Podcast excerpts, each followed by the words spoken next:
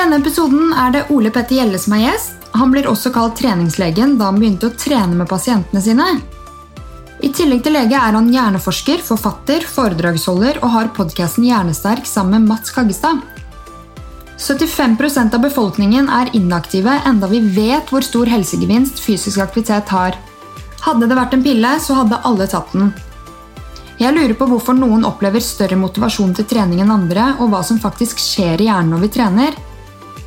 En annen ting jeg lurer på er hvordan hjernen blir påvirket av mye skjermbruk, og hvorfor vi har et stort behov for å sjekke mobilen så mange ganger i løpet av dagen. I denne episoden får jeg svar på mye interessant, og jeg håper du som hører på får ny kunnskap og økt bevissthet, og ikke minst at du blir motivert og inspirert.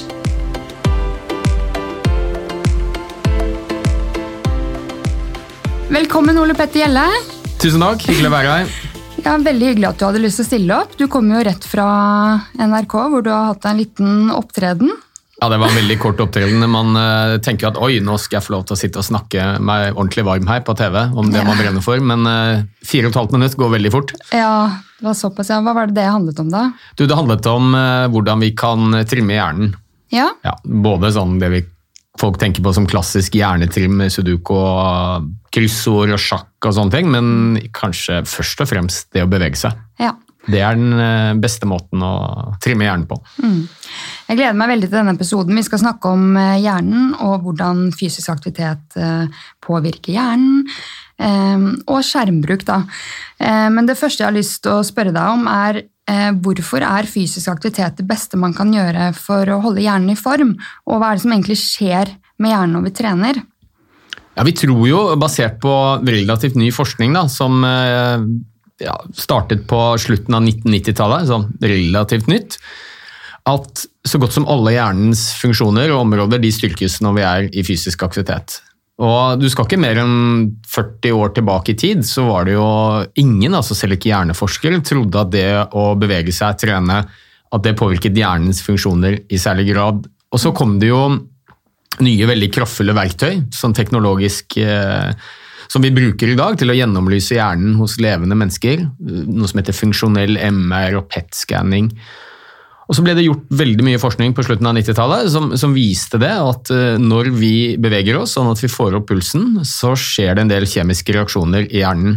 Blant annet så lager vi flere blodårer i hjernen som gjør at nervecellene får mer oksygen. Vi styrker forbindelsene mellom nervecellene, det vi kaller synapser eller kontaktpunkter, sånn at eh, nervecellene snakker bedre sammen. Og det er jo stort sett det hjernens funksjon handler om, kommunikasjon mellom nerveceller.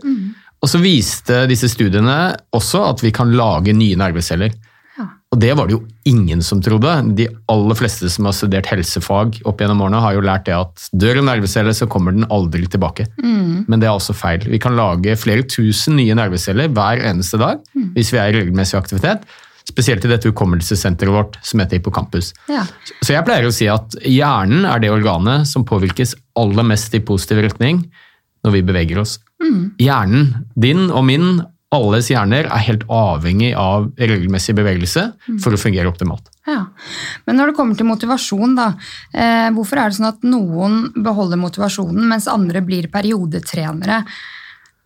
Ja, Det er jo et veldig godt spørsmål. Altså, jeg tenker jeg kan skru tiden litt tilbake, fordi jeg pleier jo å si det at hvis fysisk aktivitet hadde vært en pille, så ville alle tatt den. Og det er sant. Ja, altså Hvis jeg gikk til noen og sa at vet du hva, her er det en pille, den gjør at du kommer til å leve lengre og bedre, halvere risikoen din for alvorlig sykdom, gi deg bedre hukommelse, oppmerksomhet, humør.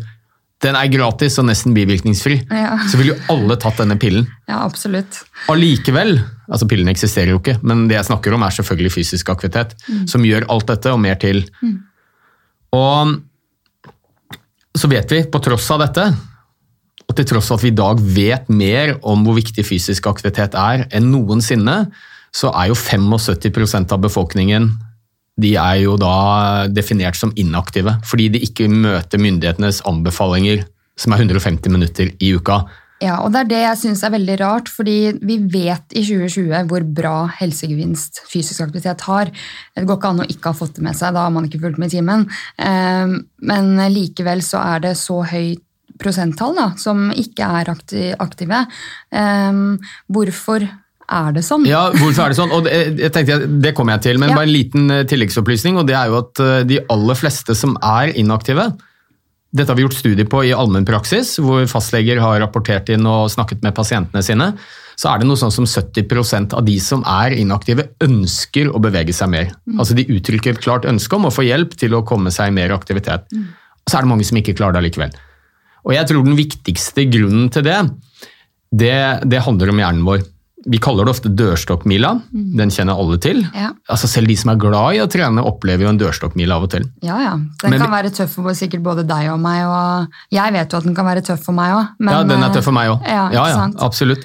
Så jeg pleier å kalle det den late hjernen istedenfor dørstokkmila. Mm. Og skrur vi klokken langt tilbake i tid, til den gangen vi var jegere og samlere på savannen, så var det jo sånn at vi måtte bevege oss for å overleve. Mm. Vi måtte løpe etter maten vår, fange ville dyr, vi måtte flykte fra fienden. Så vi var fysisk aktive fordi vi måtte være det. Mm. Var du syk eller skadet og ikke kunne løpe på savannen, Da ja, da var dine dager talte. Ja. Enten så sultet du i hjel, eller så ble du drept av et vilt dyr. Du klarte ikke å flykte. Og så må vi huske da at når vi var ferdig med å jakte og flykte, og det vi måtte gjøre for å overleve, så gikk vi ikke ut og trente. Altså, da lå vi i ro for å spare på kalorier, for det var den største trusselen mot overlevelse den gangen. Det var sult. Mm. sant? Så hjernen vår er programmert til å være i fysisk aktivitet når vi må, latskap når vi kan. Sant? Det var livreddende den gangen. Og så skrur vi tiden fram igjen til i dag. I dag så trenger vi ikke å bevege oss lenger Nei, for å overleve. Vi har ingen naturlige fiender. Jeg pleier å si annet enn kjøleskapet.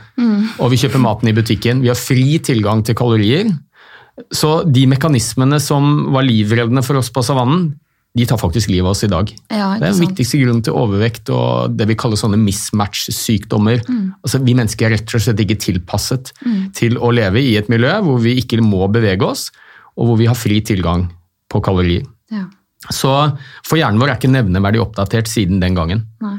Så det jeg pleier å si, at eh, når du kommer hjem fra jobb, studier, skole på ettermiddagen, og så tenker du kanskje at ah, nå hadde det vært fint med en treningstur, og så blir du bare brutalt sugd inn i sofaen med et glass vin og en potetgullpose, Ja. så er det ikke noe galt med hjernen din. Nei. Altså, den gjør bare det den er programmert til å gjøre.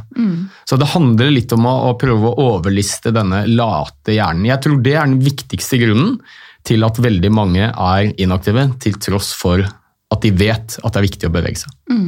Men jeg har hørt deg si eh, i en annen podkast at eh, eh, du får spørsmål hvordan orker du å gjøre alt dette her, men du sier at jeg hadde ikke orket å gjøre alt dette her hvis det ikke hadde vært for at jeg hadde tatt meg en treningsøkt først.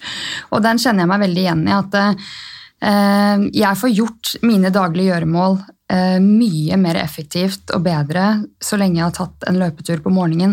Jeg fungerer ikke så godt på kveldstid. Da syns jeg det er tøft å skulle dra bort på Sats eller ta meg en løpetur ut. Men morgenen, da, da føler jeg at jeg starter dagen på en skikkelig god måte, og det bidrar til at jeg klarer å få gjort mye flere ting i løpet av en dag. For starter jeg dagen med å sitte i sofaen i timevis eller starte med å se på serie, da, da føler jeg at den dagen blir tung. Altså. Skjønner hva jeg mener? Om jeg skjønner hva du mener? Absolutt. Og det er jo kanskje et av de viktigste argumentene, da. Eller hvis jeg snakker med pasienter eller andre som jeg prøver å hjelpe til å bli mer fysisk aktive, så sier de at jeg er så sliten, jeg orker ikke. Og det de veldig ofte snakker om da, det er ikke fysisk slitenhet, altså at du er stiv, vondt i muskulatur, sånn sett, men det er mer mentalt sliten. Kanskje har man sovet litt lite, kanskje er det mye stress, mye å gjøre på jobben. Og så tenker man nei, nå er jeg for sliten til å gå ut og trene. Men er det virkelig noe som vekker hjernen din og gir deg mer energi, så er det jo nettopp det å komme seg ut og bevege seg. Og Det det tror jeg jo de aller fleste opplever. Så, så jeg pleier å si at hvis du er inaktiv, så er det ikke så rart du blir sliten. Nei. Mentalt heller, for det vet vi også veldig godt fra studier, at jo bedre fysisk form du er, og jo mer du beveger deg, jo bedre takler du mentale utfordringer. Type stress, lite søvn osv.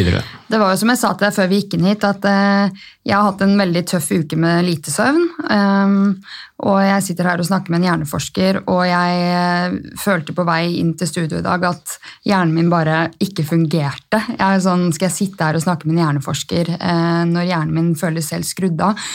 Men så valgte jeg heller å gå av bilen eh, 20 minutter fra studio og gå opp for å klarne hodet litt, og det hjelper jo. Det hjelper jo kjempemye å bare få Nå skal det sies at jeg løp i dag tidlig, men likevel føltes jeg så tung og sliten. Eh, selv om jeg hater det ordet sliten, for jeg syns det misbrukes veldig. Ja, det, altså, det å være sliten er ikke noe sykdom. Nei. Det er helt naturlig. Iallfall i dag med de livene vi lever, de aller fleste av oss som er tettpakket med program. Men eh, jeg tror det at eh, jo mer du klarer å bevege deg, jo mindre vil du oppleve den mentale slitenheten, hvis vi kan kalle det det. For det er det virkelig noe som gjør hjernen mer robust for å takle utfordringer og stress.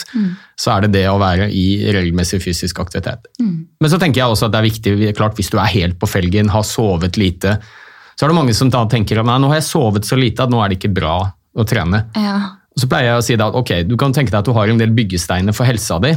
Søvn er en av dem, fysisk aktivitet er en annen, kosthold, sosialt samvær osv. Hvis, hvis en av byggesteinene, hvis du har slitt litt på en av byggesteinene og sovet litt dårlig, så hjelper det jo ikke å ta bort en annen byggestein. Nei, Fysisk aktivitet. godt sagt. Så et kompromiss da kan kanskje være å senke ambisjonene litt om hvor mye man skal bevege seg. Ikke nødvendigvis gå ut på en lang løpetur eller trene intervall, men bare komme seg litt ut. Gå seg en hurtig tur, sykle seg en rolig sykkeltur. Og gjøre noe, så tror jeg du vil oppleve at du får mye av energien tilbake. Og så kan det hjelpe på søvn òg. Ja, absolutt. Men man angrer jo aldri på en treningsøkt. eh, Og når man kommer seg ut, så har jeg også hørt deg si at eh, eh, det skal litt til for å snu med en gang du kommer ut. For når man kommer ut, så er det deilig. Men så har man jo de som eh, trener i perioder, og så er de kjempeumotiverte, og så begynner de igjen, så er de kjempeumotiverte. Eh, Hva, hvorfor er det noen som klarer å beholde den jevnlige motivasjonen til å trene jevnlig hver uke, selv om selvfølgelig det er opp og ned for oss også, men mens andre kan ha månedsvis, nesten et år pause, og så er de på'n igjen, liksom. Ja, og det er jo et veldig godt spørsmål. Og jeg har ikke noe helt sikkert svar, men det vi blir mer og mer klar over, er jo at det er en del kjemiske forskjeller på hjernen vår. Det som skjer når vi er ute og beveger oss, uansett hvem du er, om du er regelmessig i fysisk aktivitet eller om du er sofasliter, så vet vi at det skjer en utskillelse av noe som heter dopamin, blant annet, som er først og fremst belønningshormonet vårt, eller signalstoffet vårt, som påvirker belønningssenteret og, og gir oss en velværefølelse. Og for noen nærmest en ruslignende tilstand. Ja. Og Det er jo et signal til hjernen om at vet du hva, det du driver med nå, det er bra, det. Det Ja. må du gjøre mer av. Og så vet vi at det er litt forskjellig følsomhet for dopamin Ok. I dette belønningssenteret, sånn at noen mennesker vil nok få en større gledes, gledefølelse av å være i aktivitet enn andre. Og, og det kan jo forklare noe av hvorfor noen blir helt hekta på treningen og, og, og finner ut etter hvert at dette er den ene tingen jeg ikke kan klare meg uten hver dag. Mens andre syns det er ok i perioder, og så klarer de seg helt fint og savner ikke treningen når de ikke gjør det. Ja. Så det er nok en del genetiske forskjeller. Og så handler det selvfølgelig litt om hva er drivkraften din for å være i bevegelse. Altså det vi kaller indre motivasjon, da, spesielt. Ja. Hvorfor er det viktig for deg å være i bevegelse? Og da vet vi jo at den indre motivasjonen, altså det at du gjør det for din egen glede, og du finner ja, rett og slett at du liker det, Ja. det er en mye sterkere motivasjonsfaktor enn om du går ut fordi ektefellen din har sagt at nå må du komme deg ut, eller noen har påpekt at du må gå ned noen kilo. Eller. Ja. Så den indre motivasjonen den er mye viktigere enn den ytre. Jeg kjenner meg veldig igjen i det, for da jeg var tenåring, jeg har jo vokst opp i en eh, idrettsfamilie, alle trener hver dag, vi er en familie på seks. Ehm, men da jeg var tenåring, så mistet jeg skikkelig motivasjon. Jeg syntes det var deilig å ikke ha høy puls. Eh, Jeg var skikkelig umotivert til å trene, selv om jeg hadde vokst opp med masse ulike idretter. og Eh, Så da mamma var litt på den at Tina, må, nå må du begynne med et eller annet. Du kan velge, men du må gjøre et eller annet. Og begynte å pushe litt på det. Så kjente jeg bare at eh, jeg ble mindre motivert. Men da jeg ble eldre igjen, sånn 17-18-19, og gjorde det for min egen del og kjente at dette koser jeg meg med, Etter det har jeg bevart den idre nei, idrettsgleden. Nå later jeg som jeg er idrettsutøver. Jeg mente treningsgleden. At jeg eh, har hatt den jevnlige motivasjonen siden da. For da var det mitt valg plutselig, og jeg gjorde det fordi jeg følte meg dritbra.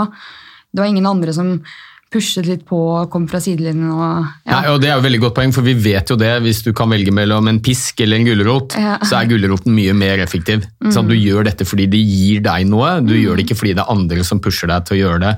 Så det, det tror jeg er et veldig, veldig godt poeng. Og så jeg har jobbet som fastlege i veldig mange år, og vi fastleger vi bruker mye tid til å snakke med pasientene våre om fysisk aktivitet. Og når vi skal prøve å motivere og hjelpe pasientene til å komme seg ut, så snakker vi gjerne om de negative, negative konsekvensene av å ikke komme seg ut. ja. Sant? Det øker blodtrykket ditt, kolesterol, risiko for sykdom senere i livet. Kanskje istedenfor å fokusere på de umiddelbare gevinstene du får når du beveger deg. For hjernen vår er også laget sånn at vi er mye mer opptatt av en gevinst nå en kanskje enda større gevinst, Senere. altså unngå å bli syk, ja. fram i tid. Mm. Og det handler også om evolusjonen. På savannen så var det viktig å overleve i dag. Vi tenkte ikke måneder og år fram i tid. Så lenge levde vi sannsynligvis ikke. Så jeg pleier å si det at hvis du skal prøve å finne din egen indre motivasjonsfaktor, så fokuser på det du opplever umiddelbart når du kommer deg ut. ja. Og det tror jeg de aller fleste kan si, at ja, de føler at de får mer energi, bedre oppmerksomhet, hukommelse, ikke minst humør. Så fokuser på det umiddelbare. Det var et godt tips vi hadde tenkt å høre med deg. Eh, sånn som jeg som er utdanna sykepleier, vi har veldig mye om eh, de ulike sykdommene på studiet, eh, og hva som kan forebygge, ikke sant? Og da er jo fysisk aktivitet skrevet på absolutt alt. Eh, Så jeg har blitt mye mer bevisst på at eh, jeg trener fordi jeg skal bli gammel en dag, og jeg har lyst til å være sterk hele livet, men jeg vet at mange også ikke tenker på den måten at det forebygger demens, det forebygger hjertekar, alle disse tingene. da. Så, man, eh, så du anbefaler da at de som ikke klarer å tenke på den måten, bør tenke på heller her og nå, hvor deilig det er der og da? Ja, for mm. det er hjernen vår mer opptatt av. Ja. Og, og, det tror jeg folk gjenkjenner også. Det å snakke om potensiell sykdom langt fram i tid, det ble veldig abstrakt. Ja. Og kanskje spesielt for yngre mennesker. Prøve å fortelle en 20-åring at eh, nå er det, det er viktig å bevege seg. For hvis ikke, så kan du utvikle hjerteinfarkt og demens. altså De vet jo ikke hva de skal neste helg engang. Og begynne da å snakke om ting som kan skje langt fram i tid, det tror jeg ikke er noen motiverende faktor i det hele tatt. Så det er mitt uh, stalltips. da. Fokusere på det umiddelbare. Og det tror jeg folk gjenkjenner også. Ja. Det tror jeg. Ja, De aller fleste, selv de som ikke beveger seg så mye, sier jo det at jo, men når jeg først kommer meg ut, så føles det jo veldig bra. Ja. Du får mer energi. Det styrker de funksjonene du er helt avhengig av. Du orker mer. Kanskje fokusere heller på det. da, Funksjon istedenfor sykdom. Ikke sant? Det gjør at jeg har det bedre nå. Ja.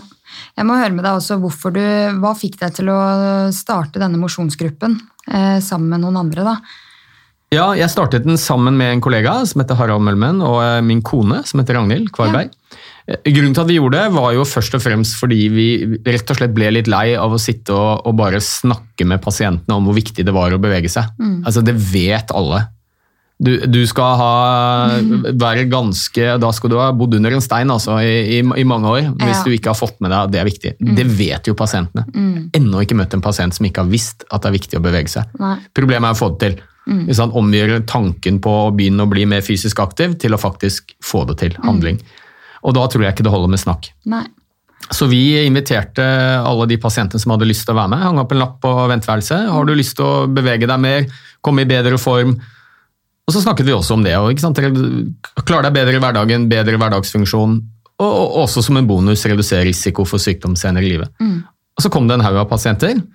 Og så har vi fulgt opp 50 av dem systematisk over mange år, over fem år. Eh, Og det vi ser da, er jo at de aller fleste har nå gått fra å være inaktive til å bli glad i å være i bevegelse. Så det har blitt en vane i livet deres. Og de klarer seg bedre i hverdagen. Veldig mange av de er godt voksne. De har bedre kondisjon, orker å gå til butikken, mer styrke, balanse. Eh, Vi har en 80-åring som eh, aldri hadde vært syk, men han eh, var såpass inaktiv at han orket ikke å gå til butikken. Han måtte ha hjelp til å kle på seg. Han var frisk, men rett og slett bare i dårlig fysisk form. Begynte han å trene med oss, og etter noen måneder så gikk han til butikken, syklet til butikken, klarte å kle på seg selv, kunne reise seg når han falt hjemme osv. Så, videre, så, så det har noen ganske sånn umiddelbare konsekvenser for hverdagsfunksjon. Ja. Så har vi fjernet en haug med medisiner som er erstattet av en annen medisin. Ja, Trening. Trening. Ja. Ja. Og det vet vi jo i dag, at eh, trening som medisin er veldig underkommunisert. Ja. Vi vet, og det er godt forskningsmessig dokumentert, at det er den beste behandlingen, altså både for å forebygge sykdom, men også for å akuttbehandle den, for over 25 forskjellige kroniske sykdommer som er de vanligste sykdommene som rammer nordmenn. Hjerteinfarkt, diabetes type 2, demens, mange kreftformer osv. Men det dere har gjort er jo superfint, og jeg skjønner ikke at ikke flere har tenkt på dette her. Og vi jobber jo i helsevesenet begge to, eh, så jeg syns det er rart at ikke det er mer fokus på forebygging, eh, med tanke på at eh, man skal fremme helse og forebygge sykdom. Men som jeg også har hørt deg si, det er jo et sykevesen og ikke helsevesen. Hva mener du med det?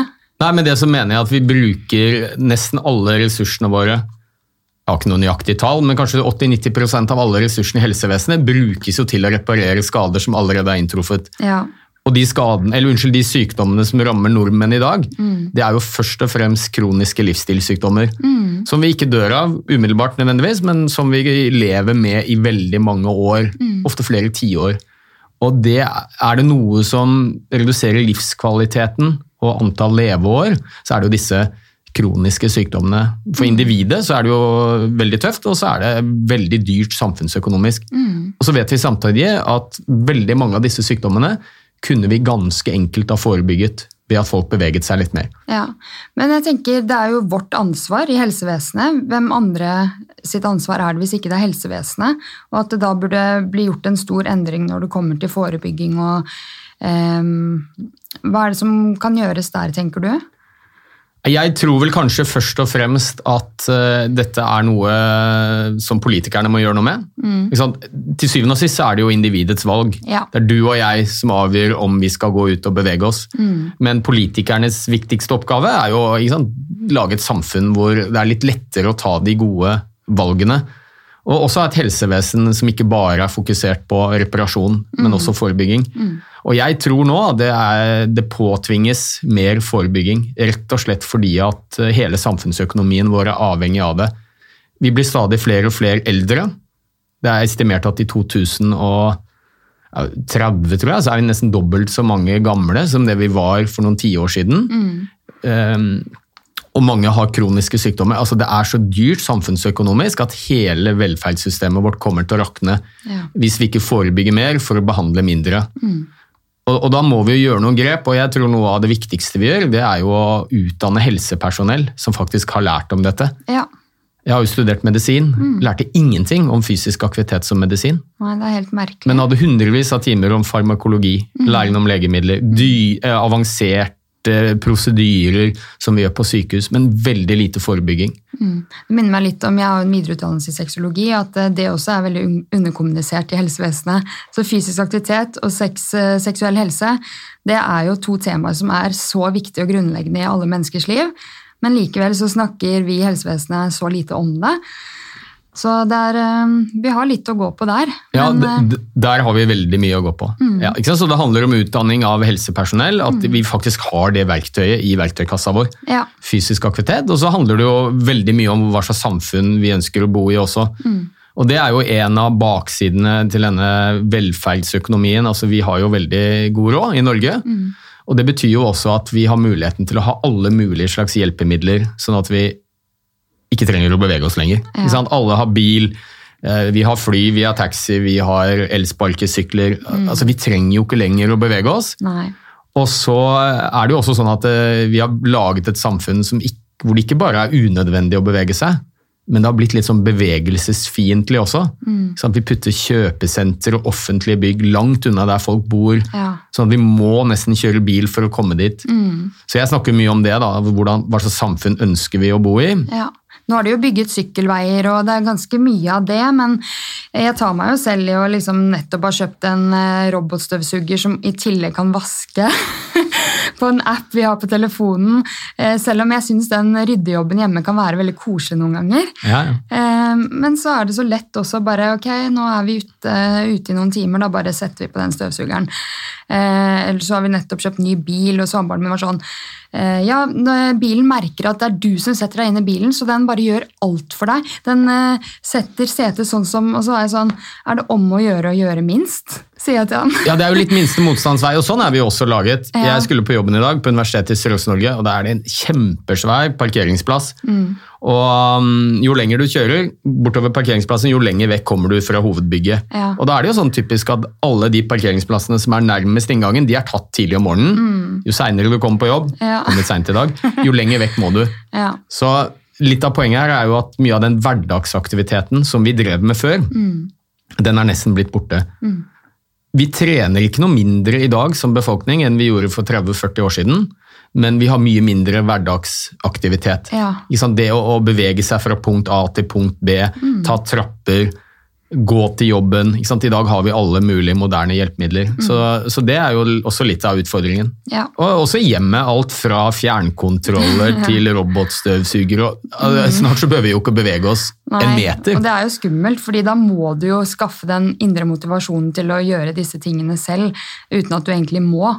Eh, Det, det er kun opp til deg selv, på en måte, om du skal ut den døra eller opp og bevege deg litt. da. Ja, og, og det er jo et av mine tips da, til de som sliter litt med å få plass til å være i bevegelse, altså plass til treningen i, i en travel hverdag. Det er å koble, koble det med noe du skal og må. Ja. F.eks. transport. da. Mm. Jeg hadde en jobb i Horten hvor jeg, det tok meg 15 minutter å kjøre bil, 20 minutter å sykle. Da Ja. sykla jeg gjennom skauen.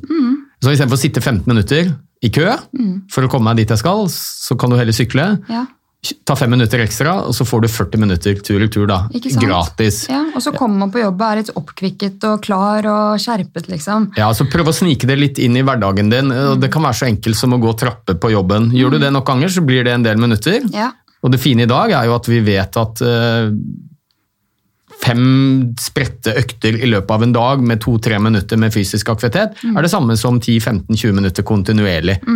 Så prøv å snike det inn i hverdagen. ja. Så jeg gjør det litt lettere å overvinne den dørstokkmila. Ja. Eh, men så lurer jeg også på hva skjer i hjernen når vi føler oss umotiverte? Jeg har fått lov å bruke samboeren min som et eksempel, fordi han var tidligere toppidrettsutøver, hadde som et stort mål å være med i OL, og kom til OL i 2008. Eh, og da nådde han sitt store mål. Men nå så kjenner jeg at eh, noen ganger så er det jeg som må eh, dra han ut, og han, er, han kan Altså jeg også kan være umotivert mange ganger, men jeg får til eh, å være i bevegelse i løpet av uka uansett. Eh, men eh, han syns det er litt vanskelig noen ganger med tanke på at han ikke har et mål med treninga lenger, eh, fordi det målet nådde han for mange år siden. Hva er det som skjer med hjernen når vi er umotiverte? Ja, Det er et godt spørsmål. Jeg tror ikke jeg kan svare sånn helt nøyaktig biokjemisk, men vi har jo en del områder av hjernen som bl.a. er med på å styre motivasjon, altså viljen og evnen til å gjøre forskjellige oppgaver. Og, og der er det kjemiske stoffer som skilles ut. Så jeg tror jo litt av eh, Så vet vi det at hvis du f.eks. har et mål, så vet vi at da, da er det lettere å overvinne den late hjernen. Altså rett og slett få litt mer motivasjon. Og for mange så handler det jo om å kanskje endre litt fokus. Hvis tidligere målet med treningen har vært prestasjon? Skulle være med i OL, prestere, så tror jeg for folk flest så er ikke det Når man da er ferdig med en aktiv karriere, så må man endre litt, altså lage seg nye mål. Ikke sant? Og det pleier jeg å si at eh, det å ha et mål, det er viktig for motivasjonen. Og da er det jo veldig mange som har ganske hårete mål. La oss si at du ikke har vært fysisk aktiv på veldig lenge. Ja. Og så kommer de til meg da, som fastlege og så sier de, ok, jeg har lyst til å begynne å mm, Jeg skal løpe sentrumsløpet, eller jeg skal løpe maraton. Eller jeg skal ut og trene fem dager i uka. Og så pleier jeg da å si at ok, det kan jo være et sånn mål litt langt fram i tid. Men se om du kan lage et mål som er litt mer tidsnært, Ja. og ikke så voldsomt. Så jeg tror det er veldig viktig. Kanskje skal du jeg pleier å si det at kanskje skal du fra A, være inaktiv, til Å, løpe Oslo Maraton. Men først så skal du fra A til B, ja. og så fra B til C. Så del det opp i mange små delmål. Små mål, ja. Og, og noe så enkelt som jeg tenker prøve å jobbe på lag med hjernen. da. Det er jo at Istedenfor å si at nå er målet mitt å komme meg ut av sofaen, skal jeg trene fire ganger i uken. Ok, og Så setter du i gang, så klarer du kanskje tre. ja. Og Da har du egentlig feilet, fordi målet ditt var fire, du har klart tre. Ta heller og si at målet mitt er én gang i uka eller to. ja. For klarer du da tre, så er det en seier. Ikke sant? Så ikke legg lista for høyt, og så tror jeg det er viktig å ha noen mål. Og de målene kan jo egentlig være hva som helst. Men eh, jeg tror det er Det kan være små delmål, og kanskje gi deg selv noen belønninger hvis du når disse målene. Men ikke ta for store steg av gangen. Men det å ha et mål er viktig for motivasjon. Eh, og så er det jo eh, har, Er det noe sannsynlighet for at Eller hvor stor er sannsynligheten for at du blir aktiv selv hvis du har vokst opp i en aktiv familie? Ja, det, er, eh, det har vi ganske gode tall på. Vi vet det at hvis du har to foreldre som er glade i å være i bevegelse er fysisk aktive, så er det rundt 80% sannsynlig at de barna du får, de vil også være fysisk aktive. Det vil si definert som det å oppfylle myndighetenes anbefaling. For barn er det en time om dagen med lek og aktivitet. Ja. Er du derimot, har du derimot to inaktive foreldre, så er det rundt 10-15% sjanse for at barna dine blir fysisk aktive. Ja. Så, så det er jo noe som jeg snakker veldig mye om. At vi voksne vi er instruksjonsmanualene for barna våre. Og det vi gjør selv, er mye viktigere enn hva vi forteller barna våre at de bør gjøre. Sant? Og det er jo At de får være med tidlig på turer og eh, blir eh, meldt inn i idretter og sånn. Men så kan jo det bli et økonomisk spørsmål igjen. Eh, hvis man eh, ikke har økonomien til å melde barna på fotball f.eks. Eh, hva tenker du man kan gjøre da? Gå i skogen? Ja, det er jo veldig mye av fysisk aktivitet som selvfølgelig er kostnadsfritt.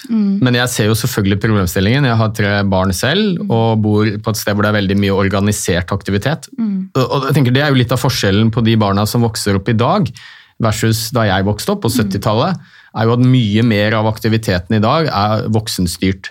Organisert. Med noen utfordringer det medfører. Eh, Barn har aller best av spontan lek og aktivitet. Som, er- som er enda viktigere for utviklingen både fysisk og mentalt enn organisert aktivitet. Som ofte skjer litt på, mer på voksnes Ja.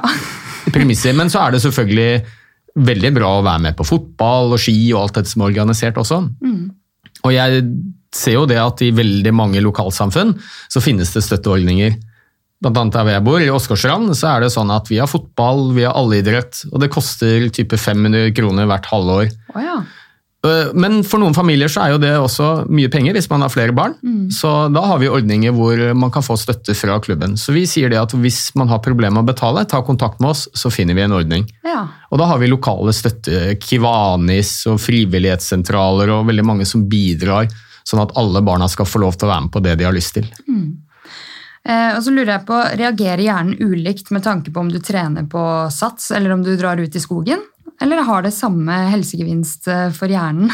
Ja, Om det har samme helsegevinst å trene inne på en tredemølle eller treningsstudio som å være ute? Ikke helt. Men jeg har, aller først har jeg lyst til å si at den store forskjellen når det gjelder effekten av fysisk aktivitet, det er jo om du gjør det eller om du ikke gjør det. ja. Så all aktivitet er veldig bra. Men hvis vi skal bli litt sånn spissfindige og tenke hva er det som er optimalt, og nå snakker jeg om hjernen, da, ja. så er jo hjernen laget sånn at jo flere deler av hjernen du bruker, jo mer styrkes hjernen din. ja. Altså Du får bedre hjernehelse og bedre funksjon. Og Det er klart det å gå en tur i skogen, jogge en tur i skogen, det stimulerer mange flere områder av hjernen din. Sant? Det er lys og lyder og terreng, ulendt, hvor du må bruke balanse og alt mulig, versus det å løpe på en tredemølle. Så det er nok en del eh, ting som tyder på at du får mer effekt, og helt optimal effekt, av treningen. Bedre å være ute enn inne. Men det er langt bedre å være inne og trene enn å ikke gjøre noe. ja, ikke sant. Ja, så jeg pleier å si til folk, la oss ikke henge oss opp i For, for, for her snakker vi kanskje marginale forskjeller. Ja, ja, ja. Den store forskjellen i helsegevinst, det er jo mellom å ikke gjøre noe Ja, jeg og gjøre tenker kun noe. på hjernen nå, for det er selvfølgelig like bra å trene sånn for kroppens del, eh, inne og ute. Ja. Men eh, det som er interessant her, er jo hvordan hjernen reagerer. Altså, Ja, og hvis jeg får lov til å være litt sånn nerdete mm. når det gjelder hjernen, så, så vil jo de aktivitetene som er aller best for hjernen, det er jo de aktivitetene som da stimulerer flest mulig områder.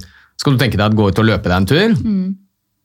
Det er ikke en veldig avansert eh, aktivitet, men dersom du f.eks. spiller fotball, så vet du jo da har du jo både Det krever styrke, koordinasjon, balanse, samarbeid, Ja. taktikk, planlegging. Så det er jo en fantastisk All type lagspill hvor det er mange egenskaper du trenger for å utøve aktiviteten. aktiviteten, jo bedre er det. Altså jo flere deler av hjernen som blir stimulert. Orientering, dans, Ikke sant? Ja. Eh, hvor eh, mye og ofte er det lurt å bevege seg da? Det, jeg har blitt litt overrasket når jeg har sett myndighetens anbefaling. Jeg husker ikke helt hva det er nå, men jeg har alltid reagert på at det, jeg syns det fremstår så lite. Eh, men nå husker jeg jo ikke hva de har anbefalt helt riktig, men det er vel en sånn tre ganger i uka eller Ja, myndighetenes anbefaling for voksne ja. det er 150 minutter i uken. ja, det høres veldig lite ut. Ja, for de som er glad i å trene, så kan det framstå som lite, men jeg tror for den store majoriteten av befolkningen, husk det er 75% som ikke møter de anbefalingene, så framstår det som veldig mye. Ja. Du kan tenke deg at hvis du ikke har beveget deg noe særlig på 10-20 år, så er 150 minutter det er ganske mye. Altså det, er, det er en halvtime fem ganger i uka. ja, ok. Da, blir det vel, hvis ja. jeg har matematikken eh, riktig, og det er det mange som sliter med. Ja. Så jeg, eh, jeg sitter nå i en sånn gruppe i Helsedirektoratet som skal se på nye anbefalinger. Som kommer, De blir oppdatert jevnlig, basert på Verdens helseorganisasjon sine anbefalinger. Og Der prøver vi å få med at, og det har vært med nå en liten stund, at selv om du ikke klarer 150 minutter i uka, så gir det en formidabel gevinst, helsegevinst. Så alle monner drar, hvert steg teller. Ja. Så for noen så tror jeg at de tenker at ok, 150 minutter, hvis jeg ikke klarer det, så er det ikke noe vits å være i bevegelse. For det høres nesten litt ut som det er 150 minutter, det er det ultimate målet. Hvis du ikke når det, så kunne du like gjerne vært i ro. Men, Ja. men sånn er det ikke. Nei, alt er jo bedre enn ingenting. Men hvis du skulle øh, anbefalt øh, bevegelse i uka, da?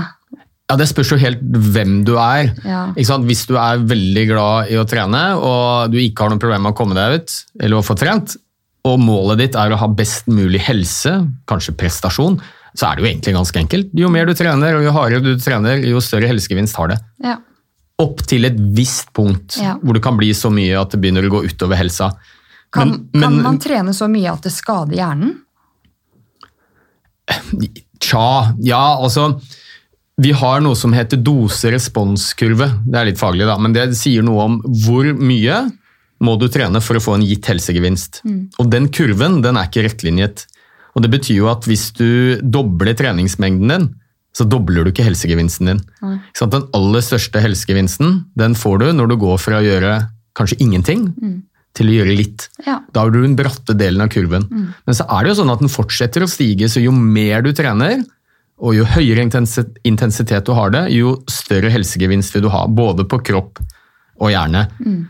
Men så kommer du til et sånn knekkpunkt, og vi vet ikke nøyaktig hvor det er, men her snakker vi om treningsmengder som er helt utopisk for folk flest. Sant? Vi snakker om eh, 20 timer i uka, kanskje 24 timers løp og Ja, de noen sånne ekstreme aktiviteter Ja. som noen driver med. Og, og da vil jeg jo påstå at det er ikke nødvendigvis noe helsebringende. For det er klart, når du, hvis du trener veldig mye og veldig hardt, så er det jo noen bivirkninger ved trening også. Skader er jo helt uh, opplagt. Ja. Men det andre er jo hva som skjer mentalt. Mm. Og, og vi vet jo fra toppidrettsutøvere, og det å være overtrent, det påvirker ikke bare prestasjonsevne, altså rent fysisk, men det påvirker også mentale funksjoner. Mm. At noen kan bli deprimerte av det. ja. Så, men i, i sånn Spesielt dette man har lagt opp. Det har jeg møtt flere, og nå har vi jo et eksempel eh, også som eh, har vært litt i media i det siste på at ting kan være tøft når man legger opp. da. Eh, Nei, Det er vel ikke Petter Northug du snakker om? Nei, nei. Jo, det er jo det, selvfølgelig. Men eh, jeg vet om flere som har drevet med idrett på høyt nivå og blir veldig deprimerte eh, når de legger opp. Um, hva er grunnen til det, da? Det er jo nok et vanskelig spørsmål å svare sånn eh, helt generelt på, for det kan være mange forskjellige årsaker. Men vi vet jo at, la oss si at du har vært toppidrettsutøver og trent mye, så er jo en av de funksjonene som virkelig styrkes og påvirkes av eh, treningen, det er jo humør. Mm. Ja, og vi vet at det å være inaktiv øker risikoen for å bli deprimert. Så hvis du går fra å være toppidrettsutøver, trene ti timer pluss i uka, kanskje enda mer også, og legger opp og ikke beveger deg, mm. så er det en del kjemiske stoffer som du ikke får skilt ut i hjernen, som påvirker miljø, nei, eh, humøret. Mm. Men så kan det være mange andre ting også. For mange så er jo identiteten kanskje knyttet til det å være toppidrettsutøver, være i media. Eh, Og så plutselig så blir du litt mer anonym. Ja. Så, så det jo, kan være veldig mange årsaker til det. Mm. Men, eh, så Det ene er jo det kjemiske som skjer, og det andre er jo litt mer sånn knyttet til hvem er du og min identitet. Og Livet kan fort bli litt tomt for mange, tror jeg, når de er vant til å være i rampelyset og de skal jobbet i alle år for å prestere, og så plutselig er det borte. Det er jo litt sånn som voksne som eh, har en jobb hvor identiteten er sterkt knyttet til jobben, og så pensjonerer de seg. Så er det sånn Oi, hvem, hvem er jeg nå? Ikke sant. Jeg, altså, nå er ikke jeg pensjonert, men eh, jeg har Det er vel et vært stykke unna? det er et stykke unna. Men jeg har jo vært sykemeldt, og da følte jeg at en stor del av meg bare En stor del av identiteten min forsvant, liksom. Jeg, da var jeg skikkelig nedstemt. Men dette har jeg snakket om i en annen episode, så jeg skal ikke drive og bable om det nå. Men til de folk flest der ute, da, eh, har du noen konkrete tips til de som ønsker en livsstilsendring, men som sliter med å endre vanene sine? Ja, Snakker vi nå om fysisk aktivitet, eller generelt? Um, fysisk aktivitet. Ja. ja, jeg har noen tips, helt konkrete tips. Og og det aller første det er jo å prøve å finne en, en aktivitet du, du liker, som du finner glede ved. Mange tror det, at ja, det er bare løping eller sykling eller hva sånne, kall det vanlige aktiviteter da, som gjelder, men eh, det vi vet er jo at helsegevinsten, både for kropp og hjerne, er så godt som uavhengig av hvilken aktivitet du driver, så lenge du får opp pulsen. Ja. Så finn noe du syns er litt gøy. Det behøver ikke være løping, behøver ikke være sykling, det kan være innebandy med gutta. Mm. Dans, klatring, svømming. Altså. For det er ingen som klarer å holde fast ved noe de i bunn og grunn mistrives litt med. Nei. Så finn en aktivitet. Gåtur i fjellet, you name it. Altså. Så finn noe du syns er litt gøy. Det er det ene. Tips nummer to er å prøve å finne noen å gjøre det sammen med. Ja. Selvfølgelig noen du trives med. For vi vet da at sannsynligheten for å klare å gjennomføre en livsstilsendring, spesielt med tanke på fysisk aktivitet, den dobles hvis du gjør det sammen med noen. ja. Og det er jo mest fordi det er mer forpliktende. Mm. Noen at du, står og venter på deg. Ja, liksom. Du våkner våkner om morgenen, du har bestemt deg for at du skal gå og trene før du skal på jobb. Så er det bikkjekaldt ute, veldig Ja. godt og varmt under dyna. Da, da blir dørstokkmila ganske lang. Men hvis du vet at venninna di står og venter på deg på gatehjørnet, da kommer du deg ut. Ja. Og så er det faktisk en del eh, studier som tyder på at helsegevinsten for hjernen blir større når vi trener sammen med noen. ja. Rett og slett fordi vi er sosiale dyr, vi er flokkdyr. Så vi skiller ut flere av disse positive kjemiske stoffene når vi trener med noen. ja. Og så er det jo det å, å klare å omdanne det med fysisk aktivitet til å være noe som kanskje er nytt i livet ditt, til å bli en vane. Jeg pleier å si det at det var en klok mann som sa det en gang. En som heter Jim Ryan, amerikansk løper. Han sa det at eh, motivasjon er det som får deg ut døra. En vane er det som får deg til å fortsette med det hver dag. Veldig sant. Ja, så, og da vet vi at når du begynner med noe nytt, som du ikke har gjort på lenge kanskje, så vil hjernen din jobbe litt imot. Hjernen er trygghetsnarkoman. Det er veldig trygt og godt å være inaktiv. Alle endringer i livet vårt oppfattes av hjernen som steinalderhjernen vår, da, som, en positiv, eller, unnskyld, som en eh, potensiell trussel. Ja. Så da vil hjernen prøve å trekke deg tilbake til den trygge og gode sofakroken. Men har du holdt på en stund, og det kan gjerne være noen måneder, altså, så skjønner hjernen etter hvert at vet du hva, dette her er jo ikke skummelt. Tvert imot, dette er jo veldig bra. Så prøv å holde på lenge nok til at det blir en vane. Og så pleier jeg også å si det som du nevnte litt om. Hvis du skal begynne å bevege deg, og du ikke har gjort det på lenge, og du er litt skeptisk, gi deg selv en retrettmulighet. Si til deg selv at ok, nå skal jeg prøve å komme meg ut tre ganger i uka, halvtime hver gang.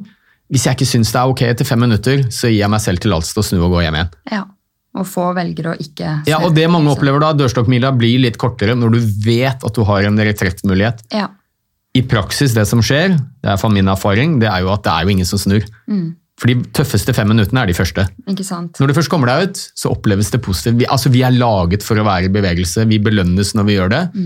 Så det er en positiv eh, sånn feedback-mekanisme i hjernen. Dette føles bra, jeg bør gjøre mer av det. Så det er jo ingen som snur. Nei. Og skulle du snu, så har du iallfall fått en ti minutters tur. Veldig sant. Nei, jeg kjenner meg igjen på det med vaner. Bare sånne uh, småting som at uh, jeg har løpt en fast tur ikke sant? flere uker på rad. Og så sitter det liksom langt inne og skulle ta en annen rute en annen dag. Så det med at vi er vanedyr, eh, kan jeg underskrive på. Altså. Ja, og da kan jeg gjerne, når du nevner det, så det var det jeg var og snakket om på TV i dag, det er jo at eh, for å styrke hjernens funksjoner, så er det viktig å utfordre hjernen vår regelmessig. Og, og jeg pleier å spørre mine pasienter litt sånn retorisk spørsmål, riktignok, men når var sist gang du gjorde noe for første gang? Ja. Og da er det veldig mange, spesielt godt voksne, som blir svar skyldig. For de har ikke gjort noe nytt på mange år. De gjør det samme hver eneste dag. Og hjernen vår er jo sånn at jo flere områder av hvem som styrkes, Mm. jo bedre fungerer hjernen, og du forebygger aldersforfall, så type demens osv. Så, videre. så det kan jo være tips. Mm. Ja. Eh, Gjør noe nytt, løp en litt annen runde Ja. enn vanlig. Eh, Velg en annen vei når du skal gå og kjøre bil. Da stimulerer du hukommelsessenteret vårt, som er veldig viktig for stedsans. ja. Enkle ting. Pust hendene med venstre hånd en uke istedenfor høyre. Jo, men Det oppleves veldig rart og unaturlig. Ja. Lær noe nytt. Begynn med ny aktivitet. Mm. Lær deg å danse, lær deg noen gloser på et nytt språk. ja. Hopp fallskjerm. You name it, altså. Det er kjempekule Utfordre og- hjernen. Ja, kjempekule tips. Herregud. Jeg syns det er så interessant. Jeg kunne snakket om eh, hjernen i evigheter. Eh, Jeg tenkte vi kunne gå litt over på hjernen og teknologi. da. Hvordan eh, hjernen vår påvirkes av eh, mye skjermbruk. Ja. Um, og teknologien har jo kommet for å bli, men eh, til, eller hvilke tiltak kan man gjøre for å ikke være avhengig av mobilen, annet enn å bli bevisst på at ikke det er så lurt gjennom podkast og foredrag og sånn. Men ja, hvordan tiltak kan man gjøre bortsett fra det, da? Ja, Godt spørsmål.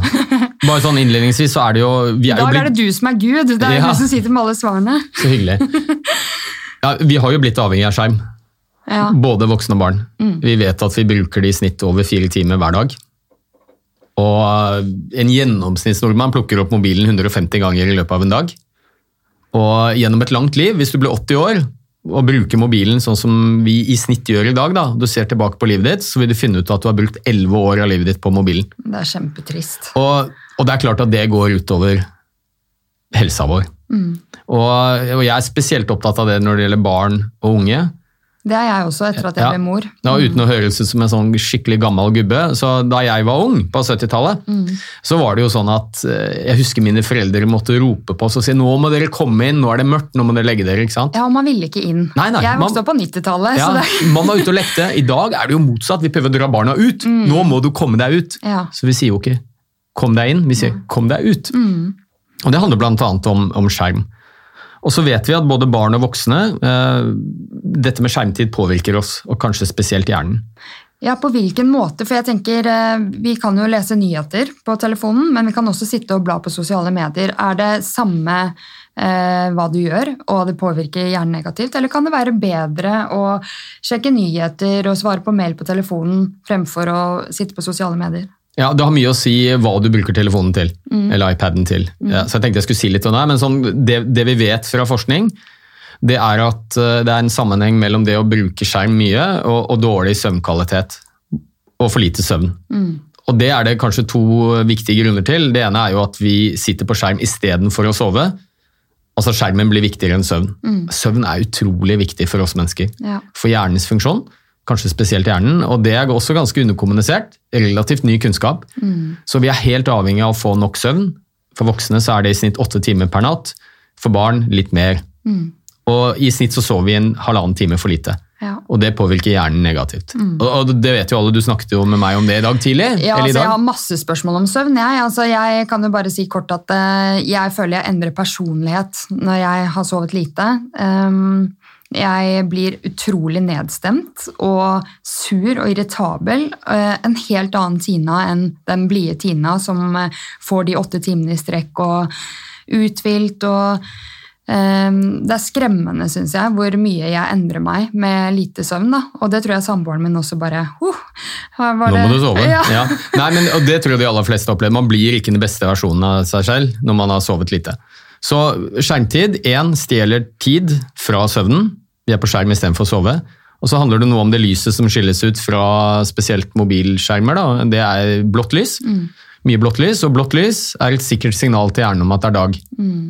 Og da skiller vi jo ut uh, Ja, det påvirker melatoninutskillelsen, som er søvnhormonet vårt. Sånn at ja, hjernen tror det er dag, og da skal du selvfølgelig være våken. Ja. Ja. Og det kan man for så vidt gjøre noe med ved å endre lysinnstilling på telefonen. Hvis man må ha med seg mobilen i senga, Ja. som jeg riktignok ikke anbefaler, så bytt til rødt lys iallfall. Ja. For det er et sterkere signal til hjernen om at nå er det natt. For det assosierer den med bål. Ja. Som, ikke sant, Rødfarge det er jo stort sett noe man tenner om kvelden. ja. Interessant. Så det er søvntid.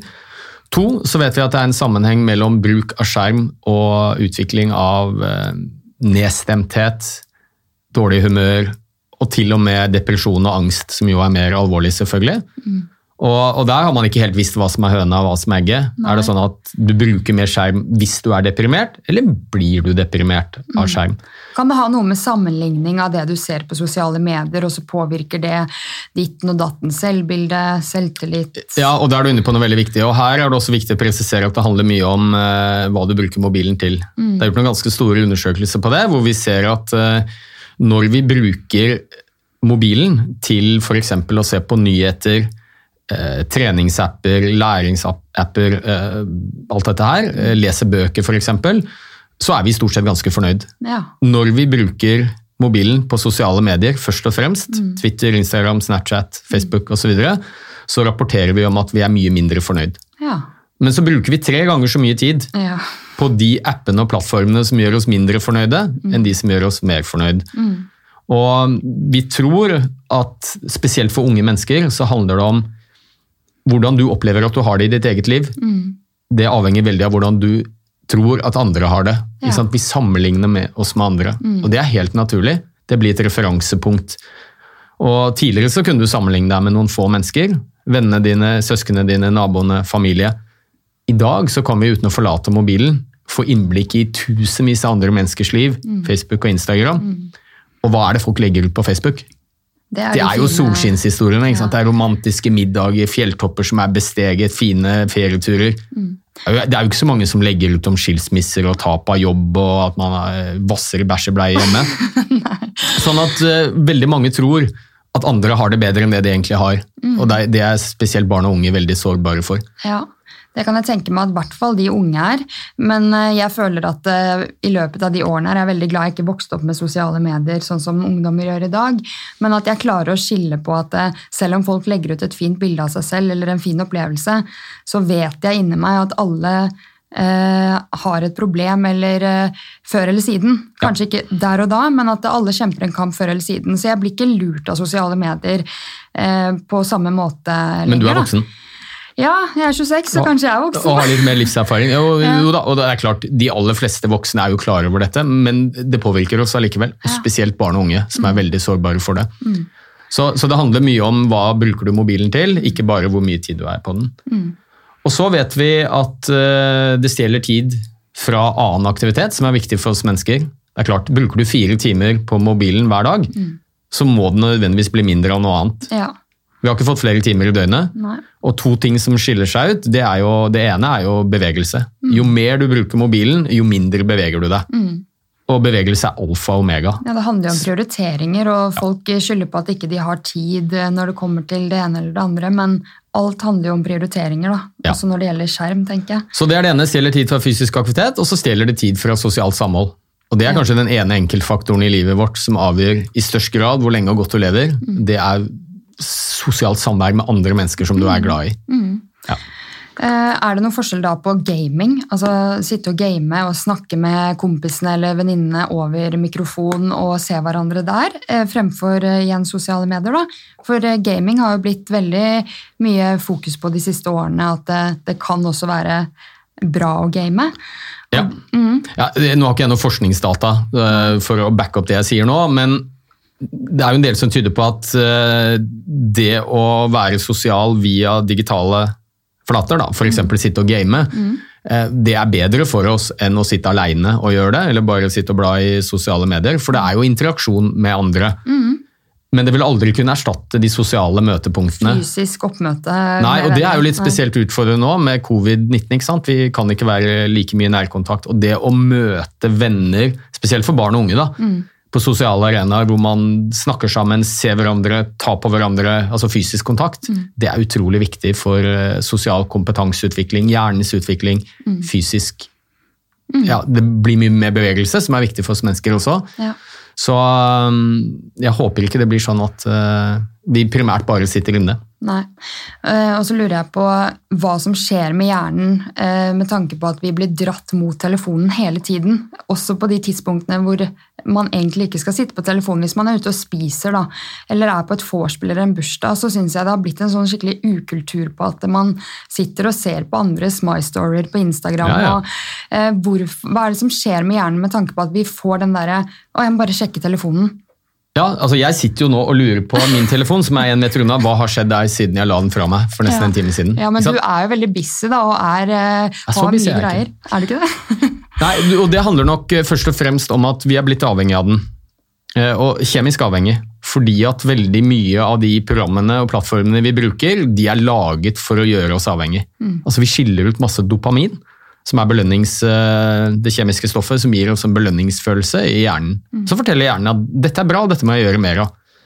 Og det er ikke tilfeldig. altså Alt dette, disse egenskapene ved Instagram, Facebook, dette med likes mm. Det, det er sånne hooks som gjør at vi skiller ut mye dopamin. Og det tror jeg de fleste kjenner seg igjen i. La oss si at du har lagt ut en post på, på Facebook, et bilde, og hvor mange ganger går du ikke tilbake for å sjekke hvem som har kommentert, og hvem som har likt, eller du har bursdag. Ja. Så det er en kjemisk avhengighet. Og så er det veldig mange av disse programmene og plattformene vi bruker som mangler det vi kaller stoppsignaler. Som er et signal fra verktøyet vi bruker om at nå er det på tide å ta en pause og kanskje gjøre noe annet. Ja. Vanlig TV har jo det. Mm. Du er ferdig med et program.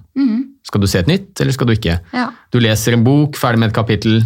Skal jeg stoppe nå, eller skal jeg gjøre noe annet? Det mangler spesielt sosiale medier. Ja. Du kan jo scrolle på Facebook, det er ingen, ingen slutt. Mm. sant? Og det er jo spesielt også barn og unge sårbare for. Et spill som jeg ofte nevner, er jo Fortnite, som mange barn og unge spiller. Det er umulig å pause spillet. Sant? Stopper du, så er du ute, så må du begynne på nytt. Ja. Og det gjør jo at barn da, som mangler modenhet i det området som heter prefrontal cortex, som ser på konsekvens av handling og, så videre, og impulskontroll, mm. det er ikke ferdig utviklet. Nei. Så Det er jo grunnen til at en 12-13-åring kan sitte 5-6 timer på, på Fortnite. Ikke sant? Glemme å gå på do, glemme å Ja. spise. Mm. Det var det jeg ville høre med deg også om, eh, om eh, det påvirker utviklingen eh, til barns hjerne, det å bruke mye skjerm, og om de første leveårene, om man skal unngå det helt, eller om når man kan begynne å liksom gi barna en iPad hvis man er litt sliten og «Åh, nå trenger jeg å slappe av. liksom. Eh, Er det noe fasit på det? At når, eh, jeg, En venninne av meg som studerer psykologi, hadde tydeligvis, eh, dette var i USA, da, eh, hørte at ikke barn skal egentlig bruke skjerm før de er fire år. Ja, altså, dette er jo veldig vanskelig, for det handler jo litt om liv og lære. Og vi vet at disse enhetene altså, de er jo kommet for å bli. Og, og Jeg husker jo det før vi fikk barn, at jeg sa at nei, jeg skal ikke bruke iPad som barnevakt. Eller, men vi gjør jo det, alle sammen. Ja. Av og til. Det er en del studier som tyder på at hvis du bruker skjerm for mye Jeg skal være varsom med å si at du ikke skal bruke skjerm på de aller minste, men eh, hvis du bruker det mye, så påvirker det kontaktnettverket i hjernen. Altså utviklingen av kontaktpunktet mellom nervecellene, som er viktig for hjernens utvikling. Men igjen så avhenger det litt av hva du bruker det til. Ja, ikke Ja. sant? Om det er et læringsprogram. For jeg kjenner også små barn, venner av meg som har barn, som sitter og bruker, eh, spiller spill som de faktisk lærer noe av, Ja, ja. og blir veldig intelligente av det. da. Ja da, og, og, og det er supert. Eh, Jeg tenker Det viktigste er, eh, om man bruker skjerm, så i hvert fall ikke at det blir en fullgod erstatning for annen type lek. Nei. Fordi det er noe helt annet å leke med noe som er tredimensjonelt. Leker, berøring, voksne, andre barn. Det påvirker hjernen mye mer enn å sitte passivt og se på en skjerm. Selv om det er et læringsprogram. Så jeg tenkte det var viktig å prøve å ha en balanse i det. Ja. Ja. Så tenkte jeg bare Den fjerde tingen jeg skulle si, eh, det er noe som jeg kaller digital demens. Ja. Som handler om at i dag har vi overlatt en del oppgaver som hjernen alltid har gjort, til mobilene. Vi husker nesten ikke et eneste telefonnummer Nei. Fordi vi trenger det ikke. Nesten ikke avtaler engang. Avtalene våre er digitale, plinger opp, advarsler. Um, vi har GPS, setter oss i bilen, Ja. kjører bare hjernedødt etter en pil. Ja. Uh, og, og det er jo funksjoner som er veldig viktige for hjernen, så jeg tenker at man, eh, hvis man kan, i hvert fall prøve å, å bruke hjernen til å huske disse tingene, istedenfor bare å la enhetene huske det. En ting jeg har lagt merke til når jeg er ute da, eh, blant folk, jeg kan jo ta meg selv i at å, nå var eh, sønnen min så søt, jeg må ta et bilde, men jeg prøver å være veldig bevisst på ikke å ha mobilen opp i ansiktet på han hele tiden, og skal Ja. dokumentere alle de kule tingene han gjør. Men jeg ser jo at Beber sitter på bussen i vogna eller ute og triller, hvor eh, mor sitter på kafé og sitter planta nede i skjermen, mens ungen sitter og prøver å få kontakt, og da får jeg virkelig vondt inni meg. Ja. Eh, eh, kan det gå utover forholdet, eller hva skal jeg si, ja, forhold mellom foreldre og barn. Da. At skjermen, de er mer oppi skjermen enn å svare ungen ansikt til ansikt når den prøver å få kontakt. Skjønner du hva jeg mener? Jeg skjønner hva du mener. Jeg er veldig varsom med å si det at voksne som bruker mobil mye, at de er dårligere foreldre enn andre. Men jeg tror man skal være litt oppmerksom på det. At hvis det er sånn at eh, man bruker mobilen sin selv så mye at man rett og slett mister litt av kontakten med sine egne barn, så er det selvfølgelig ikke positivt. Nei. Og jo mindre barnet er, jo, jo, mer avhengig er det jo av den, det samspillet med mor og far, og kanskje spesielt mor da, i første delen av, av livet. Berøring, prat, lek. Så at ikke det bare blir erstattet av, eh, av mobilen. Og, så tenker jeg at igjen, her er vi voksne, vi er eh, barnas instruksjonsmanualer. Så det å sitte og, og sånn som jeg av og til gjør med min elleve år gamle sønn, sier jeg nå må du ikke være så mye på mobilen. Og hva sier han da? Ja, men pappa, du er enda mer på mobilen enn meg. Ja. Så at å sitte som voksen og være dønn avhengig av skjerm, og så fortelle barna sine at de ikke skal gjøre det selv, Ja. det er litt som å sitte pleier å si, litt småberuset hjemme og si at barna må holde seg unna alkohol. ja. Eksempelets makt er stor. Da. Så Hvis du har et ønske om at barna dine skal eh, bruke skjerm, eller ungdom bruker skjerm mindre, så start med deg selv. For det er kanskje det, det kraftigste signalet vi sender til barna. ja. Og så handler det selvfølgelig litt om restriksjoner. da for barn og unge eh, som ikke har en hjerne som er moden nok til å kanskje innse at dette ikke er, er så bra for en. Ja. Det er veldig mange gode råd og refleksjoner du har eh, gitt i dag. Jeg har jo noen faste spørsmål som jeg pleier å stille gjestene. Um, er du klar for det? Ja. Um, hvordan starter du uken best mulig? Nei, jeg, du, jeg, det er jo litt kjedelig svar fra meg, kanskje, men eh, jeg starter uken best mulig med å få meg en treningstur. Mm. Det er ikke alltid jeg klarer å få det til, men eh, da, ble, da blir jeg en bedre versjon av meg selv. Ja. Bra for omgivelsene mine også. Ja.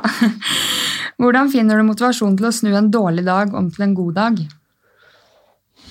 Ja Nei, igjen da, så, så opplever jeg det å komme seg ut og bevege seg Ja. altså, Problemene mine blir jo ikke borte, selv om jeg har akkurat de samme utfordringene om jeg går ut og tar meg en treningstur eller beveger meg litt, men jeg klarer å se på det i et litt annet lys. Så er det jo da å prøve å minne seg selv på at uh, selv om det er ting som virker uoverkommelige og man- er ting man i livet man ikke er så fornøyd med, så er jo det aller meste bra. Ja, Jeg pleier av og til å lage en sånn pluss- og minuskolonne når jeg sitter og er litt nedfor. Ja. Hva er det som er utfordringene mine, og hva er det som er bra? Og da blir jo den plusskolonnen så godt som alltid veldig mye lenger enn den minus. Ja. Ja. Hva er du takknemlig for? Du, jeg er takknemlig for uh, familien min. Eh, friske, flotte barn. Og um, helsa.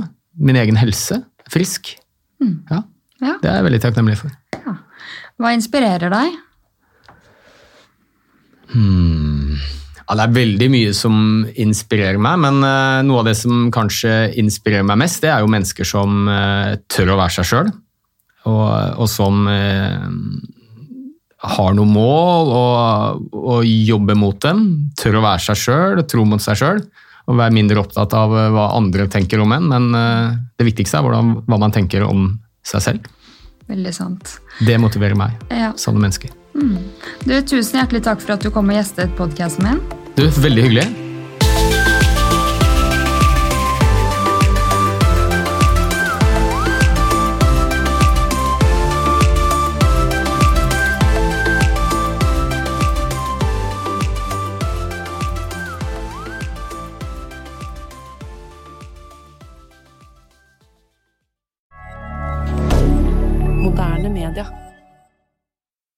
Har du et enkeltpersonforetak eller en liten bedrift? Da er du sikkert lei av å høre meg snakke om hvor enkelt det er med kvitteringer og bilag i fiken, så vi eh, gir oss her, vi. Fordi vi liker enkelt. Fiken superenkelt regnskap.